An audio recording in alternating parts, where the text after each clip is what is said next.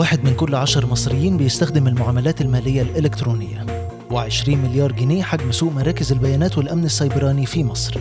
مصر خلال الثلاث سنين اللي فاتوا حصل فيها استثمارات في ال data center مش قليلة اطلاقا. صباح التكنولوجيا من جديد. أحدث الأخبار المحلية والعالمية في أول نشرة تكنولوجية مسموعة في مصر. تكنولوجي على كل منصات البودكاست. تكنولوجي برعاية هيئة تنمية صناعة تكنولوجيا المعلومات إتيدا ومنصة أنغامي. رجعنا لكم في موسم جديد بالنشرة الصوتية الإخبارية تكنولوجي يوم الحد من كل أسبوع. كل عام وأنتم بخير. في خطوة مهمة استحوذت مجموعة اتصالات الإمارات. إي أند على 9.8% من أسهم شركة فودافون العالمية في صفقة قيمتها 4.4 مليار دولار. بكده تكون حجم أسهم المجموعة الإماراتية في فودافون حوالي 2.76 من المية مليون سهم. وفق تقرير We Are Social لابحاث الإنترنت مصر في المركز 46 عالميا خلال شهر أبريل الماضي في استخدام المواطنين للخدمات المالية الإلكترونية. واحد من بين كل عشر مصريين استخدم الإنترنت في معاملة مالية واحدة على الأقل. تفاصيل أكثر في graph العدد. رامي أبو النجا نائب محافظ البنك المركزي المصري أعلن في تصريحات صحفية عن تقدم خمس بنوك للحصول على رخصة بنك رقمي منها بنك مصر وأربع بنوك أخرى وتنفيذ نصف مليون معاملة مالية على تطبيق التحويلات النقدية InstaPay منذ إطلاقه في 22 مارس الماضي وحتى الآن. جمعت أورنج مصر إيرادات بقيمة 5 مليار و26 من المية مليار جنيه في الربع الأول من العام وبلغ عدد المشتركين على الشبكة حوالي 26 مليون و94 من المية مليون مستخدم وفق النتائج المالية للشركة.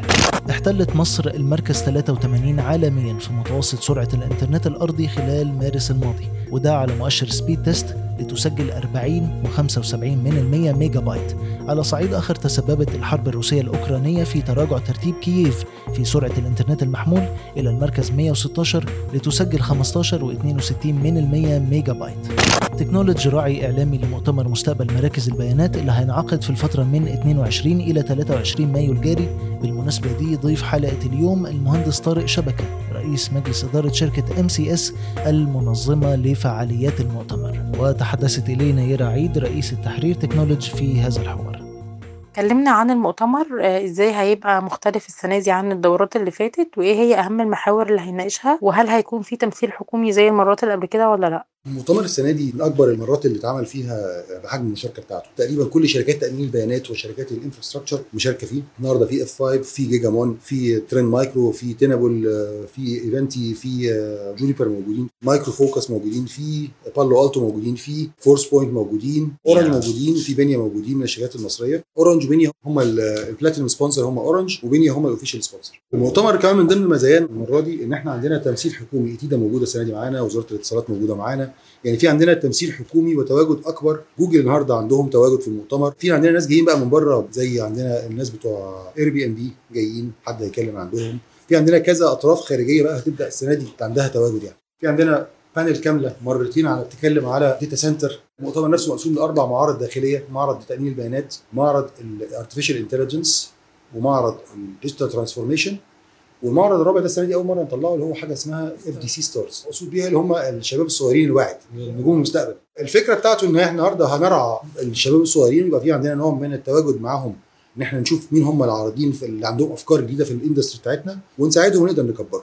مؤتمر صناعة البيانات ده ما بيتكلمش على ال data center بس. هي ال data center هو عبارة عن الفكرة اللي بتجمع فيها كل الخدمات. فاحنا الفكرة بتاعتها هو مؤتمر تكنولوجي بس اسمه Future Data Center فهو بالتالي ما هوش المبدأ بتاع Future Data Center مش لقواعد البيانات data centers بالمعروف بتاعها. مستقبل ال data center بيشمل إيه؟ بيشمل infrastructure بيشمل computing و servers بيشمل storage بيشمل security بيشمل ال governance وال regulations وال guidelines بقى انت النهارده عندك المنظومة كلها بتشمل معطيات كتيرة. إحنا Future Data Center بتغطي المعطيات.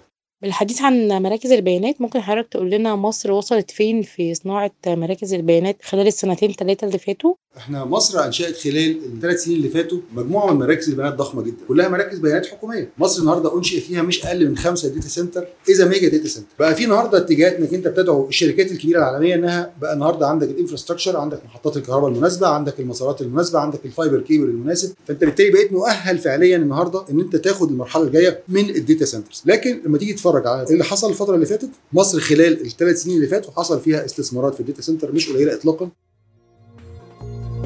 تتجه شركة سامسونج العالمية لرفع أسعار أشباه الموصلات وفرض رسوم إضافية تصل إلى 20% خلال عام 2022 على أن يتم تطبيق هذه الزيادات الجديدة بداية من النصف الثاني من العام الجاري. الشركة حاليا بتتفاوض مع عملائها حول تنفيذ خطة رفع أسعار الرقائق.